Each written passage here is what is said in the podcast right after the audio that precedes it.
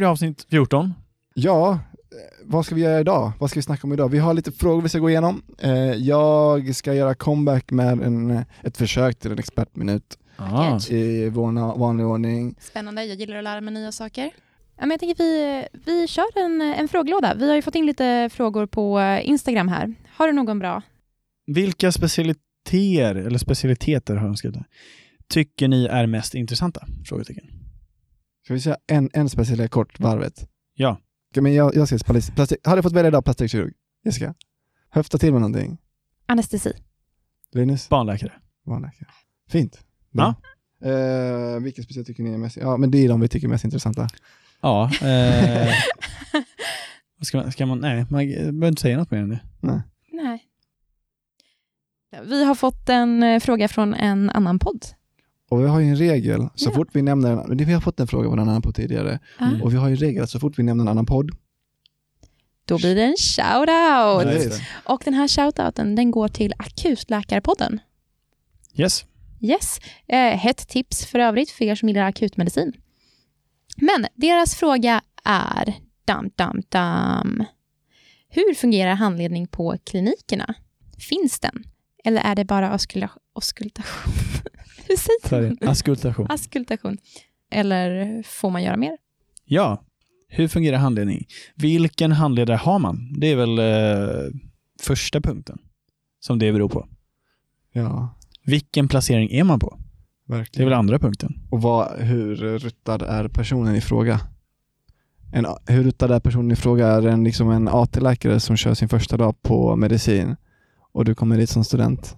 Inte så supernice. Nej. Går du med överläkaren på stroken, alltså då har de ju full koll och är lite mer, då har de mer tid åt dig. Det, det varierar jättemycket. Jag tror, jag, Mm. alltså det inte är jättebra uppstyrt på alla ställen. Alltså vissa ställen är så här, hej, du är kandidat, gå in i det rummet, du ska göra det här och det här och det här. Andra ställen är bara, ah, du får Hänga på. hänga på här, vill du ta egen, egen patient eller ska jag, eller ja, Det var punkt nummer tre. Ja. Hur erfaren är läkaren? Och fyra tänker jag, hur mycket tar man för sig? Jo, det är också viktigt. Viktigt att säga, alltså här, ja, ehm, om de inte är jätteuppstyrda kanske säga att men jag vill göra, jag vill, jag vill träna status eller jag vill, för, kan inte jag få ta så kan du komma in ifall alltså jag kör fast eller ifall jag missar någonting. Mhm. Och det brukar de ändå uppskatta, att de bara, Mm. "Aj, alltså du vet, det det funkar. Så eh, svar på frågan är att handledning finns om man tar för sig. Ja, och beroende på person som handledare också. Okay. och jag, tror, jag tror nog den bästa handledningen finns nu på akutmottagningen i Kiruna. Ja, jo, men det, det tror jag nog också. Ja. Inte, Vad- inte vare sig med hörtskrönor, alltså det sägs som att om man ska Mm. ha bra handledning så är det akutmottagningen i Kiruna man ska till. Mm. Men jag tänker också på det, jag, vi diskuterade i klassen häromdagen. Alltså det är ofta så när man kommer till en avdelning, så kommer man dit och så är överläkaren där och så finns det några underläkare, så får man ofta följa med underläkarna. Men det är ju inte, som du sa, det här med erfarenhet. Det vore ju typ väldigt ofta mycket bättre om man fick gå med överläkarna. För de har ju koll och de kan lägga mer tid på studenter. Vilken Sen att fattar jag-. Ja, sen fattar jag dock om de är trö- trötta på studenter och sådär. Men eh, Jag håller, jag håller med dig 100%. Det är också, det är också så här, en överläkare kan säga det här är inte viktigt. Alltså man ska vara sjukt kaxig ifall man tar typ, jag hängde med många som hade precis tagit examen på neurologen. Och det är så här, jag bara, men typ så här, hur gör man det här och det här och det här, eller hur fungerar det här? Och då kan det vara så här, alltså, det här är min första vecka här, jag vet inte. Och Ja. det, det, får, det, får, det svaret får du inte en överläkare, annars Nej. får du bara, det där är inte viktigt, eller det här är Jaha. svaret. Ah, okej. bra svar. Era topp tre, varför slash varför inte man ska bli läkare. Glad, en sån här superglad gubbe. Superduperglad, en riktigt Ja. pigg. Ja, men vi ska alltid lämna smileysarna så det inte blir Ska vi försöka höfta till, ska vi försöka höfta till med, alltså vi säger en sak var. Jessica, Ja. en anledning till varför man inte ska bli läkare.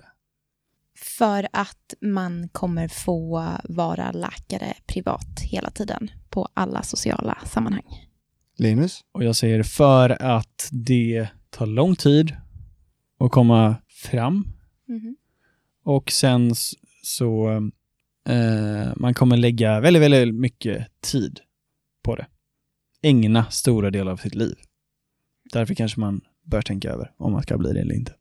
Och jag, jag tänkte också lite samma som du där Linus, men Ja, om jag ska säga någonting varför man inte ska bli läkare är, det finns nog lättare sätt att ta sig igenom livet tror jag.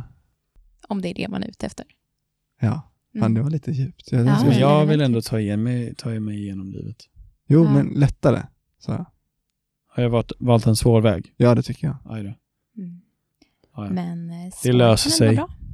Nej, men nu ska vi Vet du, vi, säga... tre, tre bra saker Ja, också. tre vi bra ska, vi, saker. av- jag tänker vi avslutar det här på lite Ah. så här, mm, Ja, Mhm. bra, precis. positivt. Varför? Ja. Kör. Bra grejer. Ska, ska jag börja? Ja, börja. Kör. Eh, du får ha pyjamas på jobbet. Linus? Det var inte alls det jag tänkte. Jag försöker hinta till Linus att man tjänar bra, bra med cash. Ja, just det. Ska du säga den? Nej, jag tänkte säga något annat. Okej. Eh, nej men, det är kul. Ja, men det är jättebra. Och då avslutar jag med att man jobbar för ett tack. Ja, fint. My God. Um, åldersspannet på läkarprogrammet, punkt. Hur vanligt är det med 19 år, 19-åringar versus 35-åringar? Det där, det där är en intressant fråga. Ehm, för att, jag vet inte hur det var när ni började, men när jag började så, i alla fall så var det några klasskamrater som sa att en tredjedel eh, som började i min klass på T1 eh, var över 25. Och det tycker jag var väldigt många. Ja, Ja. jag tänker en tredjedel. Ja, det, det är nog inte helt, om jag tänker på min egen klass, kanske lite mindre skulle jag nog säga. Mm. Men säkert en 20 procent som är eh, ja, men över 25 när de börjar. Ja. Och i, Absolut. och I min klass var det 23 var medianåldern. Så det fanns alltså lika många yngre än 23 och lika många äldre. Hälften var yngre, hälften var äldre än 23. Okej. Eh, men sen eh, blir det ju lite vilka man umgås med också, de man, de man ser mest. Liksom. Jo, Mm. Eh, så är det ju.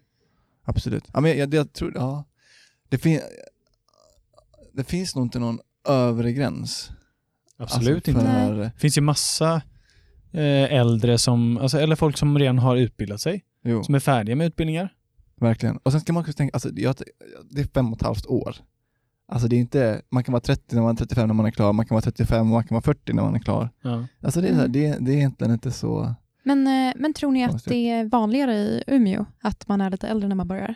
Oh, Oj, det, är var en svår fråga. Ja. Ja. jag vet inte. Nej, jag tror ändå det borde vara ganska jämlikt. Alltså det är ju, Mm. Jag, jag tror att det är vanligare i de andra städerna. ja kanske, för, där, för hit behöver man kanske ofta flytta. Precis. Så tänker jag. Och, Men, eh, men jag tänker ju, eh, det känns ju som att man är en ganska ung läkare. Kanske om man börjar när man är 19, färdig när man är 26, man får sitt lägg när man är, ja hur räknar jag nu? Ja men typ 26-27 Ja. får du lägg. 27 år. Mina kompisar säger så här, "Vadå, jag vill inte ha en läkare som är 30. Det känns alldeles för ungt. ja, men lite så kanske. För det känns som, ja, de säger i alla fall, att det känns som att man liksom inte har erfarenheten, livserfarenhet. Mm. Men det är lite, det finns en annan, eh, det är en annan fråga här också. Ja. På samma tema.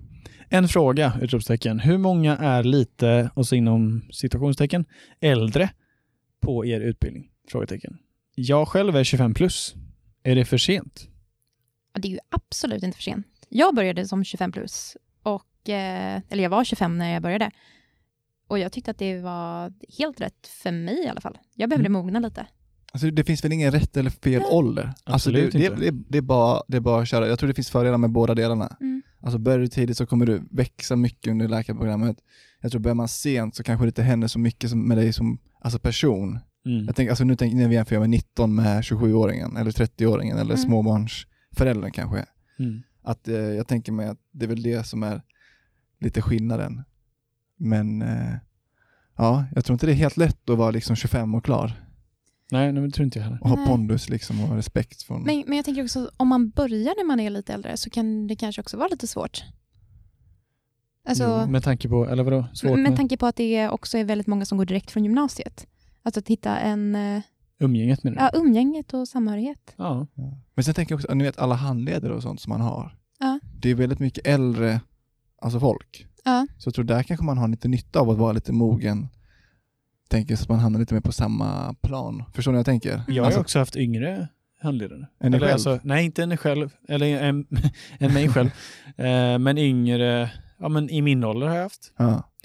Och om man då är äldre, Då blir det ju en annan, en Ja, annan det, det är nog speciellt att Ja. ha en handledare som är yngre än sig själv. ja, men typ alltså också så här, tio år yngre. Men å andra sidan, Mm. de kanske kan väldigt mycket om det som man läser. Eller ja, det kan uppenbarligen. Ja, ja, men Ja. jag tänker så här, ehm, hierarkin kanske blir lite skev. På något sätt så kan ju åldern spela in i eh, vad heter det, hierarkirelationen mellan dig och din handledare. Mm. Men jag tror, är man äldre och har en tio år yngre handledare som är, hand, som är handledare, färdig läkare oftast. man är väl ändå så, eh, vad ska man säga, ödmjuk inför det att eh, den här personen kan väldigt mycket. Ja, men jag tänker från Så handledarens sida också. Det Ja, du menar att det är svårare att handleda? Ja, precis. Mm. Ja, så kan det vara. Eh, vi kan ju bara sitta och spekulera i det här egentligen, men eh, jag kom att tänka på att jag har faktiskt en, en kursare som började när hon eh, var ganska mycket äldre än alla andra. Och Mhm. jag tänkte att vi, vi kanske kan ta och ringa henne och fråga henne om hennes perspektiv och så kan hon få berätta lite om sin historia. Ja, Ja. sweet. Vi provar. Vi du- provar att ringa, hon heter Anneli. Du tänker, vi kör det direkt? Ja, vi kör direkt. Ah, okej. Men, eh, Vänta här då. Ja, så. Och, men då, ja. Ja, Då, Och då ringer vi. Men hon vet att vi ska ringa?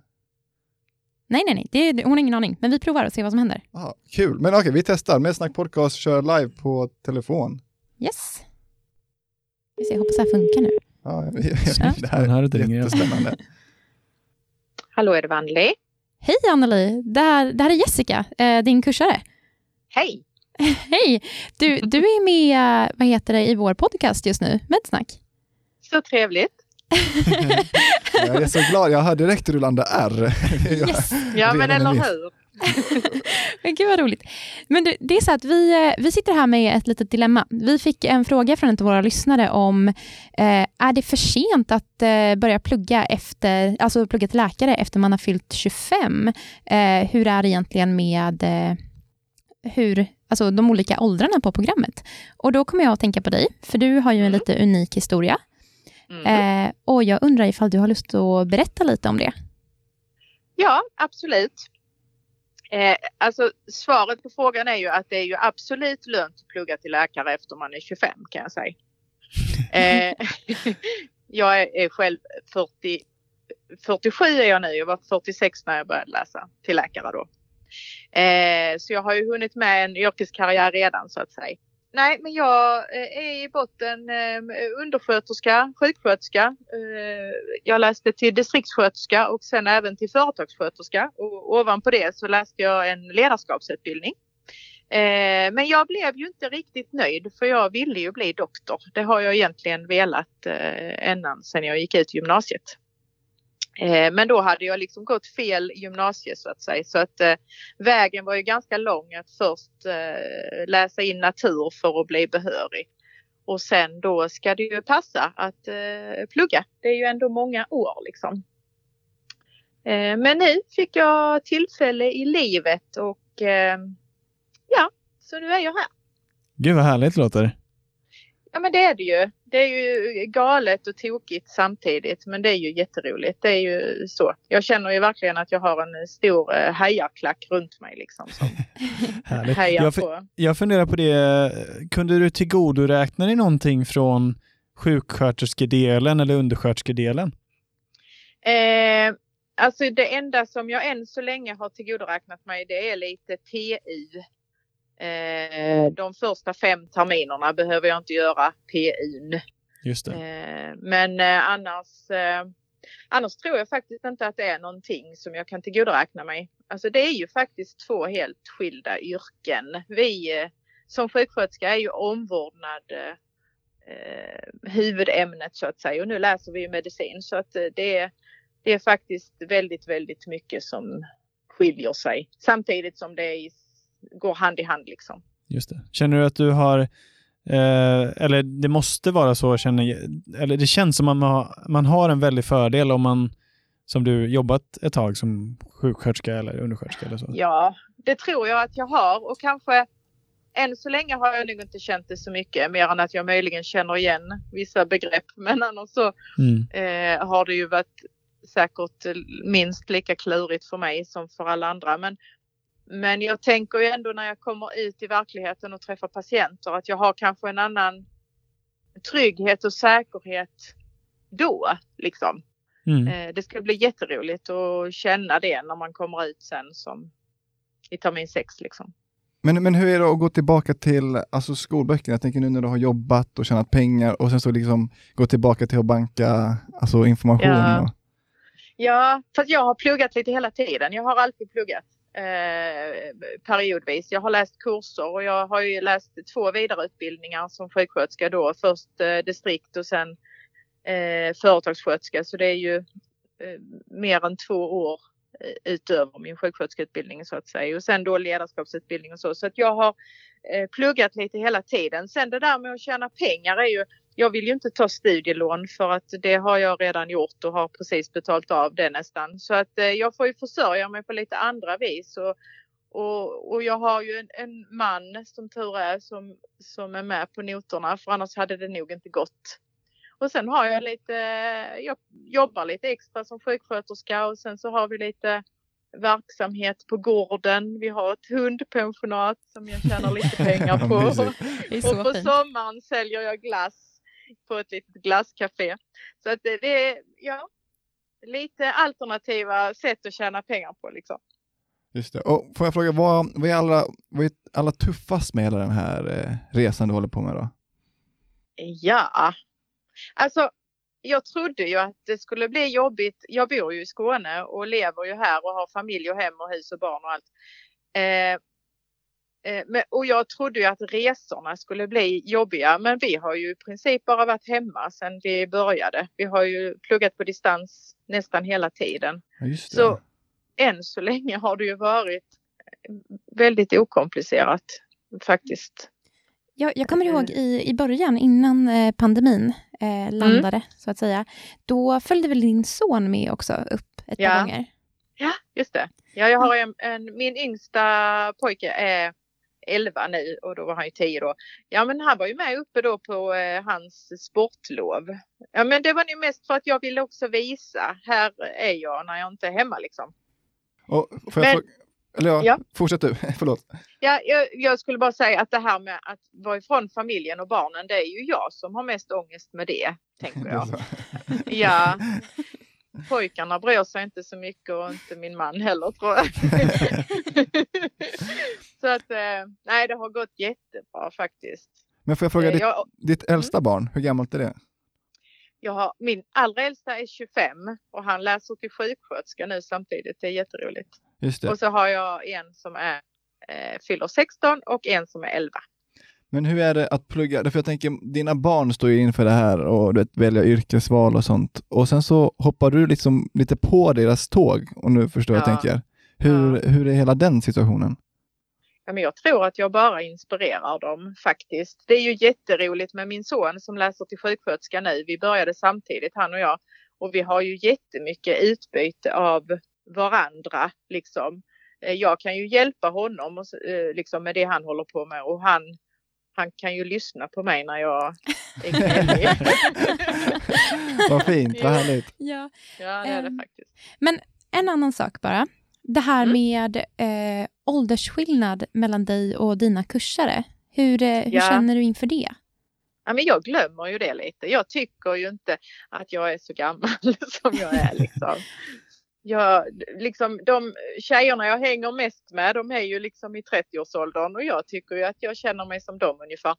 Eh, så jag glömmer ju det lite. Jag kunde ju vara mamma till halva klassen. Liksom. Men, ja, nej, men jag känner ju inte mig mycket äldre än ni andra tror jag. Det var Nej. skönt. Och jag skulle inte säga att jag upplever dig som någonting annat heller. Eh, det är super...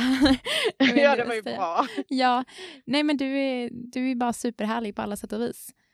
Tack. Men, eh, finns det några nackdelar då med eh, att ha börjat plugga vid den här åldern? Alltså nackdelen är väl möjligen att jag är ju över 50 när jag är färdig. Eh, och sen ska man ju hinna med AT och ST och allt vad det är. Eh, jag hinner ju bli ganska gammal innan jag möjligen har hunnit specialisera mig. Eh, jag får ju hoppas att jag kan jobba länge och att jag har liksom eh, hälsan och kan jobba till jag är 75. Just det. Eh, tror du det är vanligt att eh, sjuksköterskor har tankar på att plugga till läkare? Mm. jag tror att det är ändå ganska vanligt eh, faktiskt. Som sjuksköterska jobbar man ju väldigt nära läkaren och man är, jag vet ju vad jag har gett mig in på liksom. Eh, och jag tror att många vill vara i deras situation. Fast vägen är ju lång. Alltså mm. har man redan skaffat sig en högskoleutbildning och så är det ju inte självklart. Och för min del som då dessutom hade gått fel gymnasie, jag var liksom inte behörig. Jag fick ju läsa in jättemycket. Jag, liksom hela natur fick jag ju läsa in fast mm. det kunde jag göra på ett år i och för sig. Men, men eh, vägen är lång att eh, bli läkare. Men jag hör ju ofta att och det skulle jag med vilja. Fast jag känner faktiskt ingen som eh, har läst till läkare. Jag vet, jag känner till några men jag känner inga faktiskt. Men om det är någon som, eh, för det är en del sjuksköterskor som lyssnar på det här vet vi, om det är någon mm. som sitter med tankar på att jag kanske borde testa det där med att plugga till läkare. Ja. Va, vad skulle du säga ja. till dem då? Har du några råd eller tips? Eller?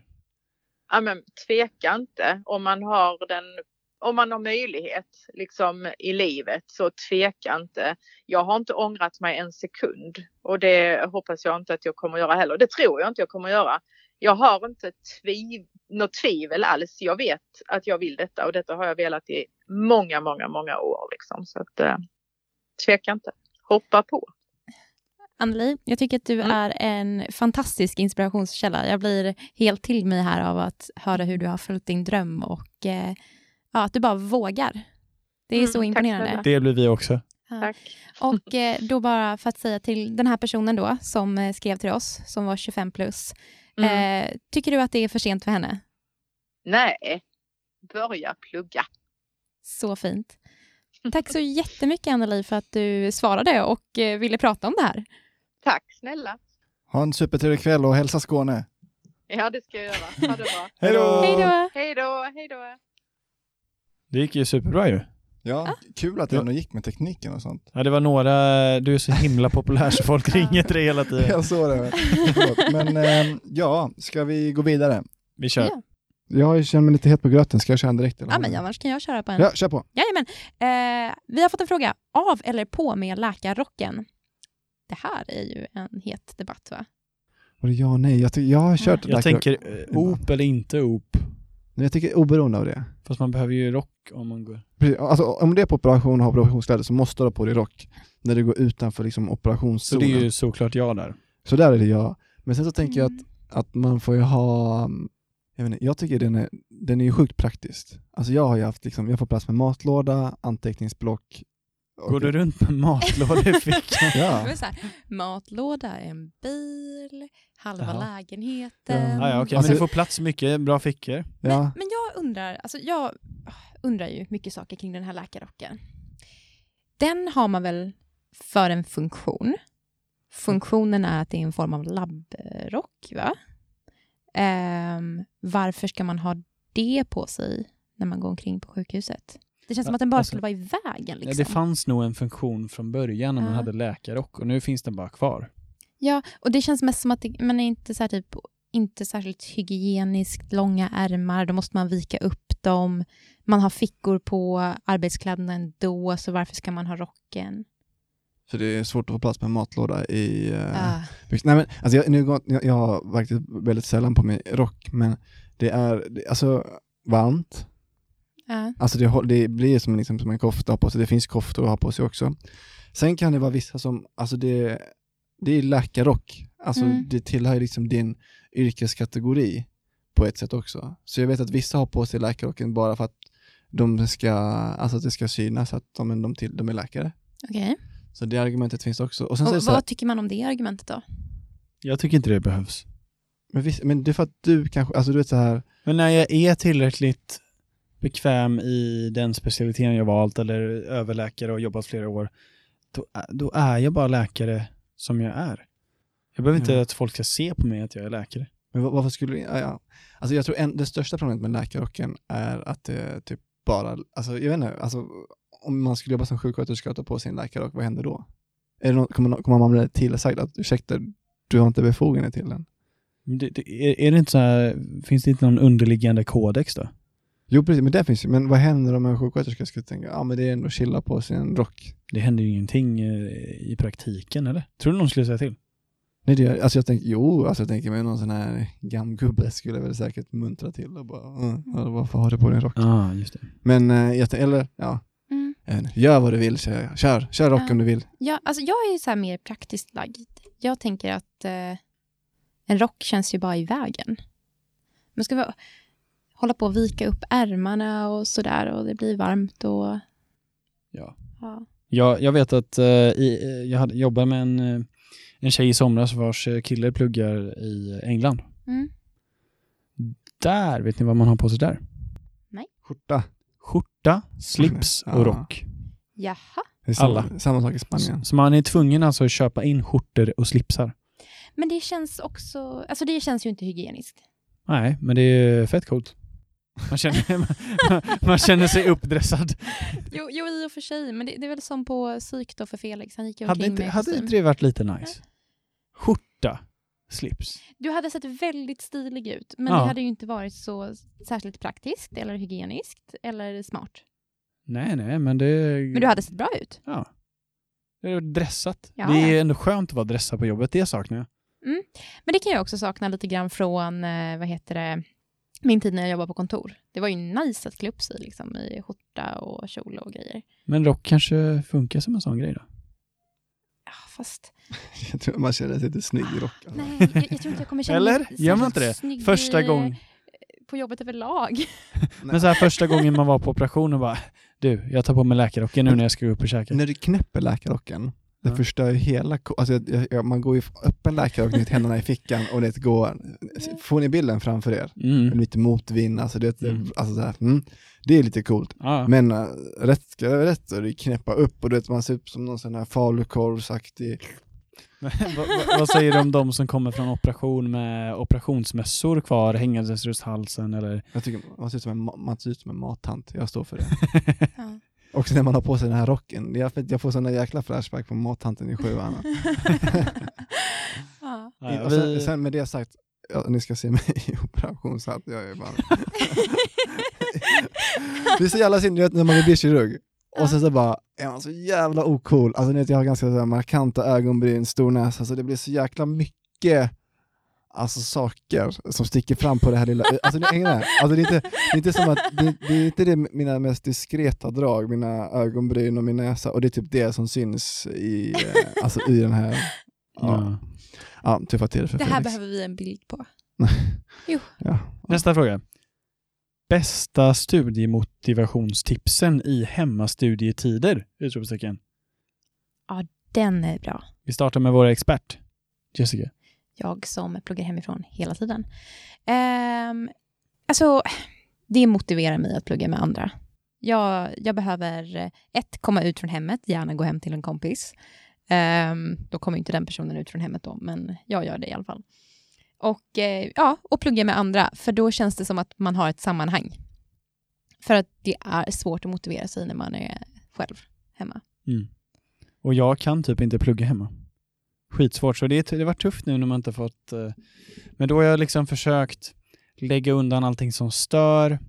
Gömma mobilen, hett tips. Ja, precis. Alltså ner under kudden typ, eller så Mm. här eh, Mm. långt bort. Ja, alltså man får inte ens se mobilen. Nej. För den omedvetet så drar det fokus. Sätta på stör ej på alla apparater man har. Mm. Sätta upp en tidslimit, så här länge ska jag läsa. Mm. Sen tar vi kaffe. Ja men exakt det där, det där är så himla bra. Vi snackade om det i något tidigare avsnitt också. Mm. Jag kör ju stenhårt mina 45 minuter, rast 15 och jag har en klocka liksom som ringer. Nu har det gått 45 minuter, nu tar du rast. Mm. Eh, och jag kör stenhårt på det och det är typ räddningen. Men ibland svarar du ändå.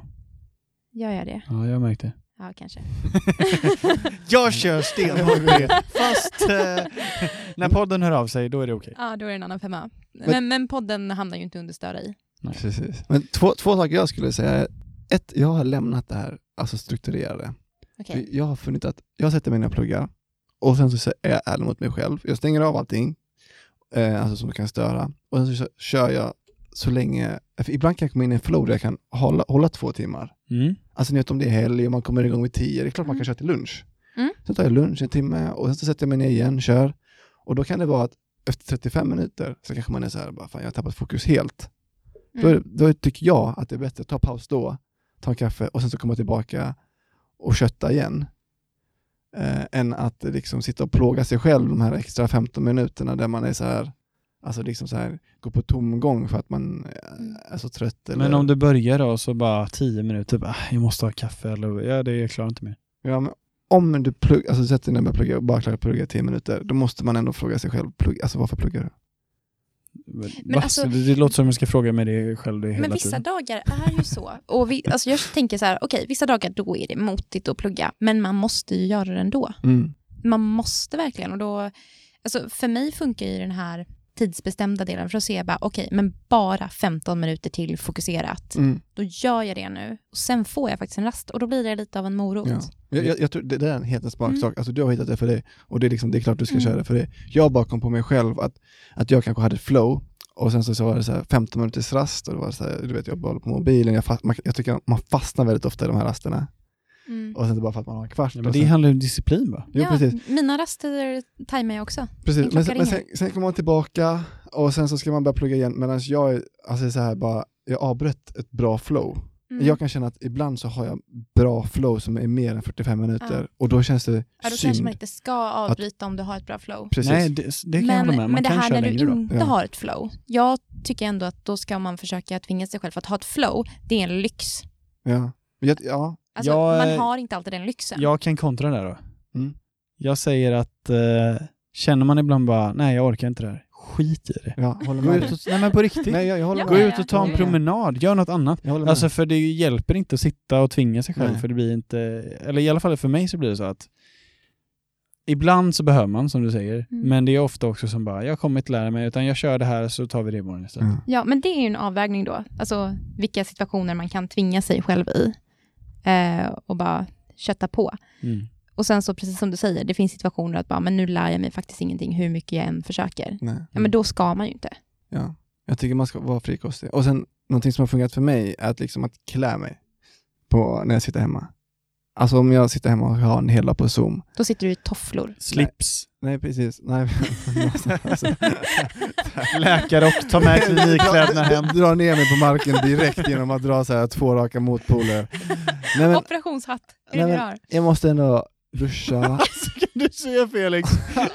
På med operationshjälmen. nu ska jag plugga. På riktigt. Sitta där som ett fån. Framtida yrket, operationshatten Ja, liksom. snälla kör. skicka en bild på det. Nej. alltså, nu förstör mitt argument där. Men det jag skulle säga är att vakna upp, duscha, klä på mig, käka frukost, gå. Så Ja. går jag liksom 5-10 minuter bara för att liksom komma hem och sätta mig och nu börjar jag plugga. Ja, men det där är en är en skitbra bra grej. grej. Alltså det är ju super, super bra grej. För Att a- annars blir det så här, få det att kännas som en, en riktig arbetsdag. Precis, och, typ nu, så- och så det är också det som är bra när man pluggar med kompisar, för då går Mm. man dit och sen så när man, nu har jag ändå kommit hit så nu vill jag att vi alltså, gör någonting, än att man Mm. bara liksom, det blir så, det blir så svårt att liksom komma igång från eh, ingenting Ja. kan jag tycka. Men eh, för att runda av, kliv upp, duscha, gå ut och sen sätt dig antingen hemma eller hos en kompis och eh, kör. Och, glöm, och glöm inte att ta på dig din favoritmössa.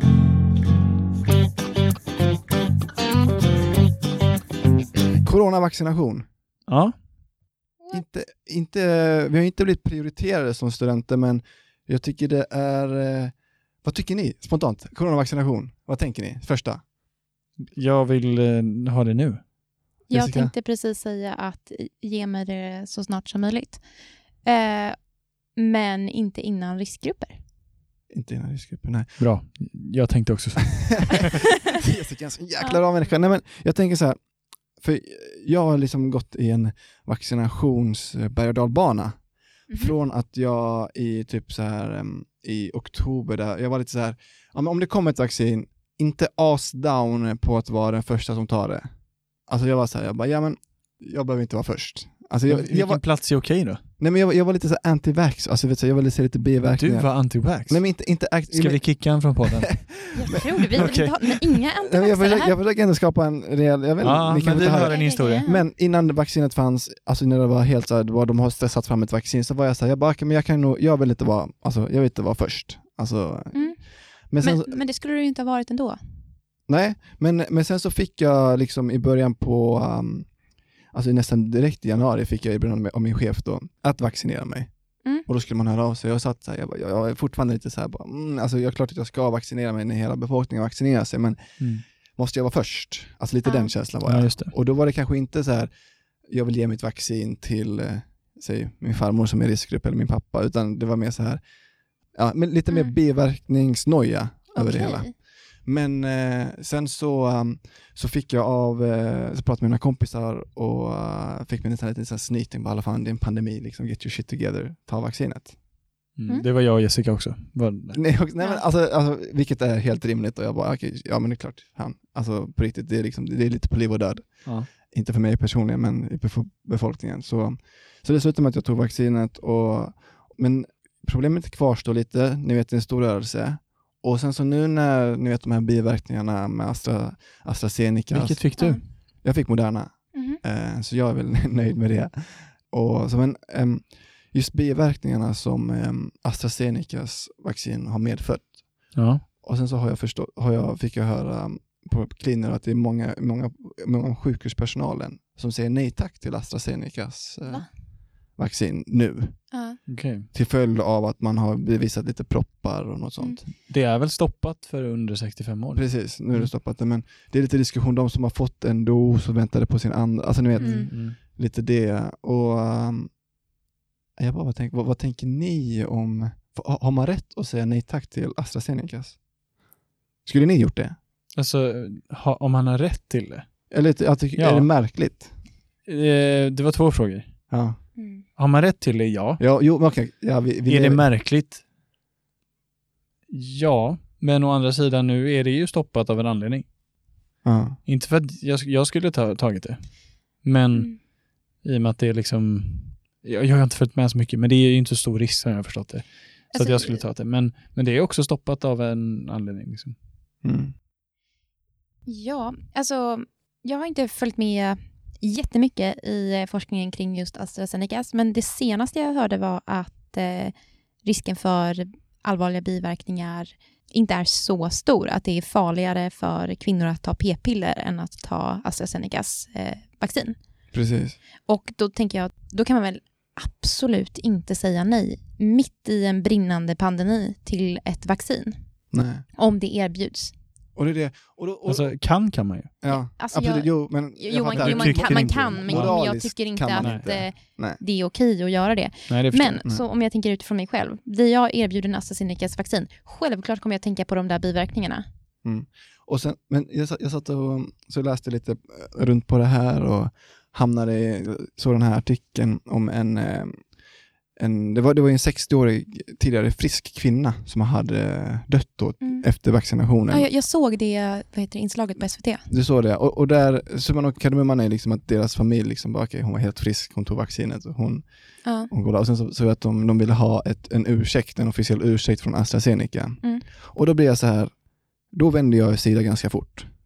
För shit, alltså, alltså hade, om ni utgår från era egna föräldrar, Ja. alltså om er egen förälder skulle dö till följd av ett vaccin, Mm. alltså då tror jag det är otroligt svårt att använda de argumenten vi precis, Ja. alltså för 30 sekunder sedan sa, vi är mitt i en pandemi, alltså liksom, man måste, alltså det, det är en liten risk, alltså det finns, det är större risk för kvinnor som tar p-piller, många fler, alltså ja, det finns risker med massa annat. Ja. Men fortfarande så tror jag, jag skulle varit så otroligt besviken på AstraZeneca, på svensk sjukvård, på alla, jag skulle vara, alltså om min, någon i min närhet. Men nu är det så här, nu är det inte någon i min närhet och mitt argument blir liksom, ta vaccinet. Ja. Mm.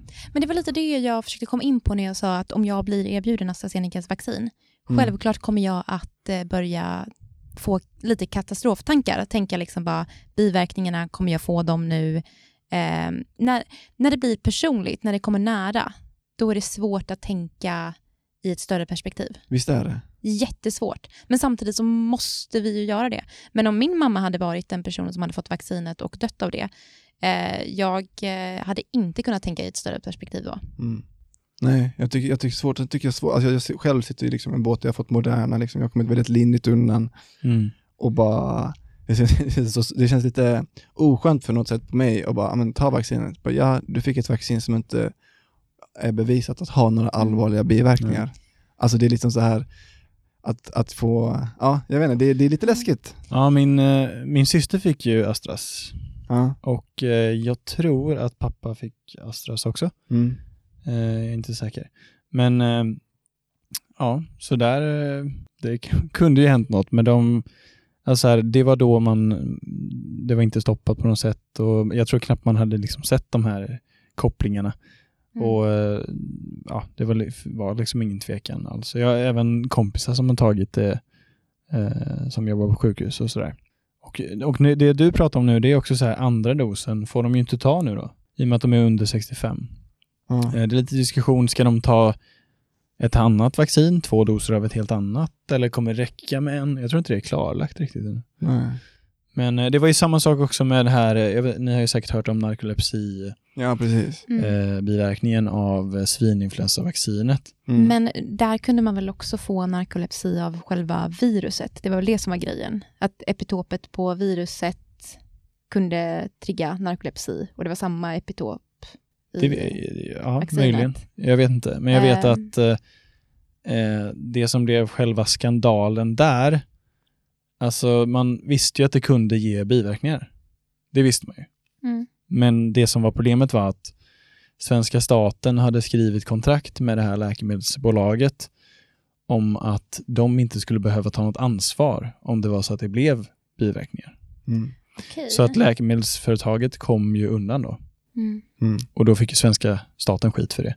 Och de har inte fått, de, de som har drabbats har liksom inte, eller nu på senare år har de säkert fått eh, kompensation. Det, jag har inte Men följt med nu det sista. låg, alltså det, det, det var väl typ såhär, alltså typ, vi snackar tusen, alltså tusentals kronors regionen i vad de fick i kompensation. Ja, okej. Mm. Men det jag tycker var intressant, för vi pratade om det med vår, när vi hade, jag var hade ju infektion precis samtidigt som vaccinet kom upp.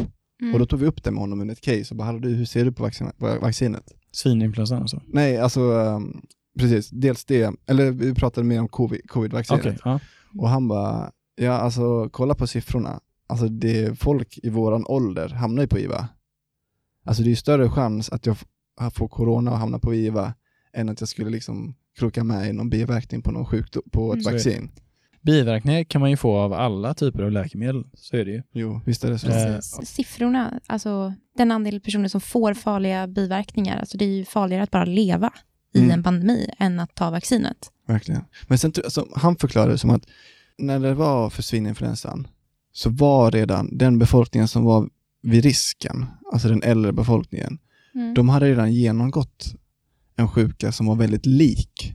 Så de hade, de hade ju skydd ju. Precis, så de hade egentligen antikroppar. Ja. Så att då vaccinerar man, alltså det var en onödig risk att ta. För vi som kunde bli sjuka av det, Mm.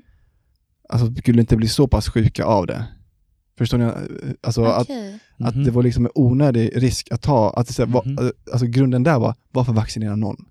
Aha. För typ, Ja. alltså, säg, hade corona nu kommit och liksom säger bara, ja men alla över 30, 90% av er är immuna för att ni hade en light-version av corona för 10 år sedan. Ja, Då hade det varit jätteonödigt att liksom, du vet så här, alltså ja. inom situationstecken chansa eller du vet, så här, pusha på någonting som man inte helt, alltså 200% har Mm. forskat på.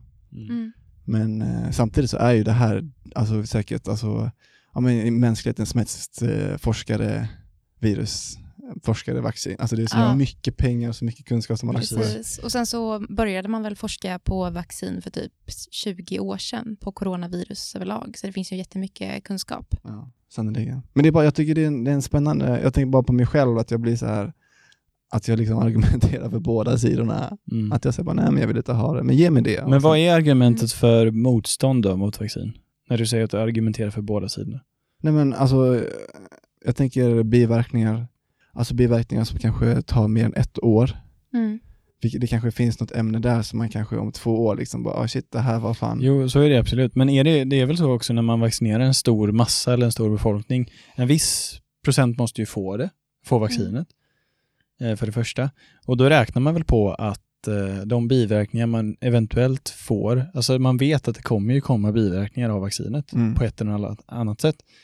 Men de som får biverkningar av vaccinet om vi vaccinerar si och så många, det är en fördel gentemot hur många som kommer stupa med på annat sätt om vi inte vaccinerar Jo, och får precis. sjukdomen. Verkligen. Och det blir ju det som blir problemet när inte tillräckligt många tar vaccin. Ja. För då spelar det ju kanske till slut ingen roll att de som har tagit har tagit, för att tillräckligt många har inte tagit. Ja. Så måste ju upp i en viss procent. Mm. Men jag tror det är svårt som människa att liksom komma in, komma in i det tänket. För jag Mhm. tänker ta typ så här, jag tycker att skatt är en ganska bra liknelse. Mm. Jag vill att alla betalar skatt. Men jag själv skulle personligen må bra om de bara, Skatteverket hörde av sig. Bara, du, du behöver inte betala skatt. Alltså jag hade inte såhär, bara, "Åh, nej, alltså, det är orättvist. Alltså, Mm. alltså, häng med, det är lite samma tänk. Alltså, Mm. tänk där att liksom, jag fattar att på en stor skala så måste alla betala skatt. Ja. Och på en stor skala måste alla vaccineras. Mm. Men eh, alltså jag själv, alltså, hade jag fått vaccinet hade jag tagit det igen. Alltså, du Ja. vet, om de säger "Men, nej, du måste fylla på eller du måste testa det här. Mm. Eller, du vet, så jag hade, eller kanske inte testa, men, men ni fattar. Hade de sagt Mm. på, ja, men, alla som har tagit Moderna, alltså praxis för er blir att ha, ta liksom, eh, AstraZenecas för att eh, Ja. få ett bra skydd. Då hade jag ju Mm. tagit den. Mm. Men inte så här 100, alltså jag kan inte, jag kan inte ärligt säga 100%, jag känner ändå att det är så här, mm, alltså lite, Mm. Okej. Den lilla, Alltså- lilla chansen liksom. Jag, så- jag kan, ja. Jag har sett en, eh, en dokumentärserie om det här. Eh, Mm. Om anti, jag tror det hette så här, vaccinrörelsen. Eh, vaccinmotståndarna Ja, så heter på den. På SVT. SVT. Har du också sett den? Ja. Har du sett den Felix? Nej. Eh, men det är ju verkligen, alltså, de är ju väldigt, alltså jätte, jättemotståndare och inte bara mot coronavaccin utan alla typer av vaccin som jag förstår egentligen. Mm. Mm. Eh, och så är det några journalister som följer dem under ett par år och eh, alltså de påstår då att vaccin ger autism. Precis. Ja. ja, Eh, bland annat. Eller egentligen kombovaccinet mot... Eh, ja, röda hund, mässling och, Ja, precis. Eh, Eller egentligen alla vaccin eh, ger autism, men även, eh, även andra sjukdomar. Ja, att de påstår det. Mm. Nej men, eh, och eh, alltså, sen kom de väl fram till till slut att, eh, eller kontentan blev väl att de är ju konspirationsteoretiker Ja. och trodde på, alltså de intervjuade en av dem som satt i, liksom, som pushade som högst och satt i ledningen, som typ kom in och pratade på att eh, förintelsen inte har funnits Nej. till slut. Fick de med på band liksom. Mm. Så det, det var väldigt, eh, det är en helt annan värld Mm. eh, mot vad man är van vid. Det, det var också en artikel i, eh, i GP, Göteborgs-Posten, om ett par som inte ville vaccinera sin, eh, Aha. sitt unga barn. Mm. Eh, de här standardvaccinationerna som man Mm. får för att de var motståndare. Och det slutade ju med att eh, läkarna anmälde dem Mm. för, eh, eh, vad, vad heter det, när man, ja, att de inte tog hand om sitt barn. Vad heter det? Ja, ehm, Ja, de men försummade sitt Ja. barn. Ni förstår vad jag menar. någon- ja. Ja. Orosanmälan. orosanmälan, Mm, precis. bam, där har vi dem. Så de gjorde ju det då, för att de inte vaccinerade sina barn. Ja. Och det, ja. Hur slutade det liksom? Nej men de var väl med i artikeln där, eh, eh, sen fanns det ju två sidor av myntet och eh, vad jag förstod det så, alltså det fanns ju en större historia än det som stod i den artikeln. Mm. Eh, jag minns inte exakt, men, men de gick ut där i media och då på, alltså, liksom, det här är ju helt otroligt. Mm. Hur kan man inte... Men det kan jag tycka, alltså, när folk uttrycker sig om vaccin i media, som jag tänker blir lite problemet med den här diskussionen är att det är så här, nej men det, ta vaccin, det räddar folk, det finns inga biverkningar. Typ. Alltså, Mm. och sen så blir det så här AstraZeneca, bara, ja, men vi, vi, må, vi måste dra tillbaka AstraZenecas för att det är Mm. folk som har fått proppar av det.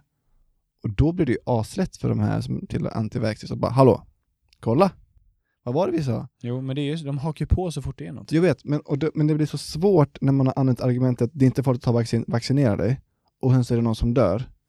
Och sen är det så här bara, man står, alltså, man sätter sig själv i en dålig situation medan jag tänker, så som vi resonerar är mer rimligt att liksom, vi är mitt i en pandemi, folk dör, om man kollar på det stora hela så måste vi alla vaccinera oss, vi måste alla ta en gemensam risk så att vi Mm. alla kan gynnas. Det är för det är det riktigt vaccin går ut på. Mm. Jag vaccinerar mig inte bara för att skydda mig själv, utan för att skydda andra. Det är därför du Mm. vaccinerar ditt barn, inte bara att skydda dig själv, för alla barn kan inte ta vaccinet av olika anledningar. Alla barn blir inte immuna mot de här sjukdomarna, men om, om en stor del av liksom, klassen, man ska säga, är vaccinerade, så blir man ju av med de här sjukdomarna som potentiellt kan döda barn. Medan det som kommer fram i media är typ så här, expert säger att eh, vaccinet inte är farligt, expert säger att eh, vaccinet är farligt för att det har dött folk och sen eh, Ja. ja, så kommer Mm. staten in och bara, nej vi plockar bort vaccinet för att vi vet inte vad, vad som händer just nu. Mm. Men de, de som jag verkligen inte förstår, det är ju de... Jag hade några kompisar som tänkte så i början också av corona. vaccinationen, det som du sa förut. Nej, jag vill inte ta det först. Nej. Men vad, hur många ska du vänta gå före i kön? Nej precis, och det är det jag, jag, det är det jag menar att jag blir lite så här lack på mig själv, att det, bara, det är en orimlig, det är ett, ohållbart resonemang. Ja. Det är ungefär som att säga att om jag skulle aldrig låta en student uh, undersöka mig typ. Mm. Eller jag skulle, alltså det är så här, jag skulle aldrig låta en student göra något så här, ta ett, uh, jag vet inte, säg uh, lumbalpunktion, alltså ta ett prov från, Ryggmärgen. precis. Alltså så här bara, men någon måste ju vara studentens första. Om Mm. alla skulle tänka så skulle vi inte komma någon vart. Då skulle vi inte ha någon utbildad Nej vårdpersonal. precis. Vi- Vilken tur att vi övertalade Felix eh, till slut. Så att, Ja. Ja. precis. Men eh, vill, du berätta mer om din eh, upplevelse av vaccineringen? För jag spydde sönder efter att det var så jävla förnedrande.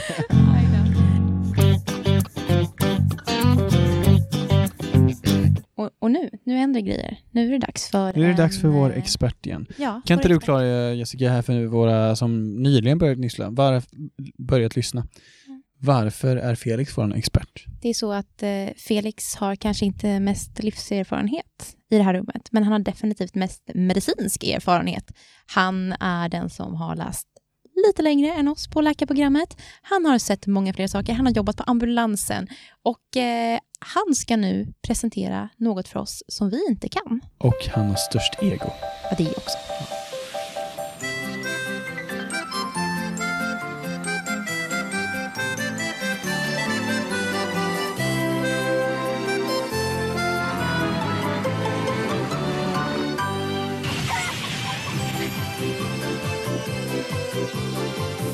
Felix, doktor Felix. På en grön moped kommer här världens bästa veterinär. Felix, doktor Felix. Han är djurens allra bästa vän.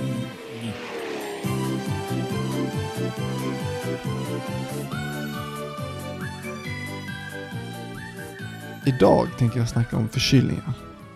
Oh. Mm. För jag satt så här, alltså ni vet så här, när man pluggar till läkare så vill man ändå kunna, när man pluggar till läkare så vill man ändå kunna ja, men säga någonting som, alltså du vet, svara på lite vardagliga frågor när folk frågar.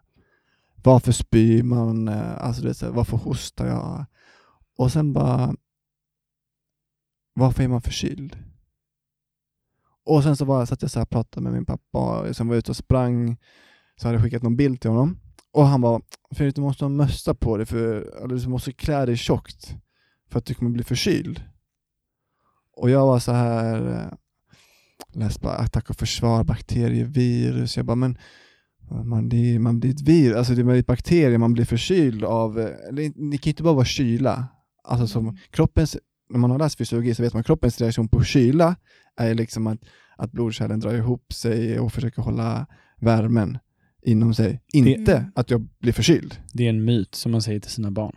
Ja, men sen så blev jag så här, men though, visst, alltså när man har spelat fotboll, när man har tränat på kvällarna, visst vet man att om det har varit kallt ute och man har varit dumt klädd så blir man förkyld dagen efter.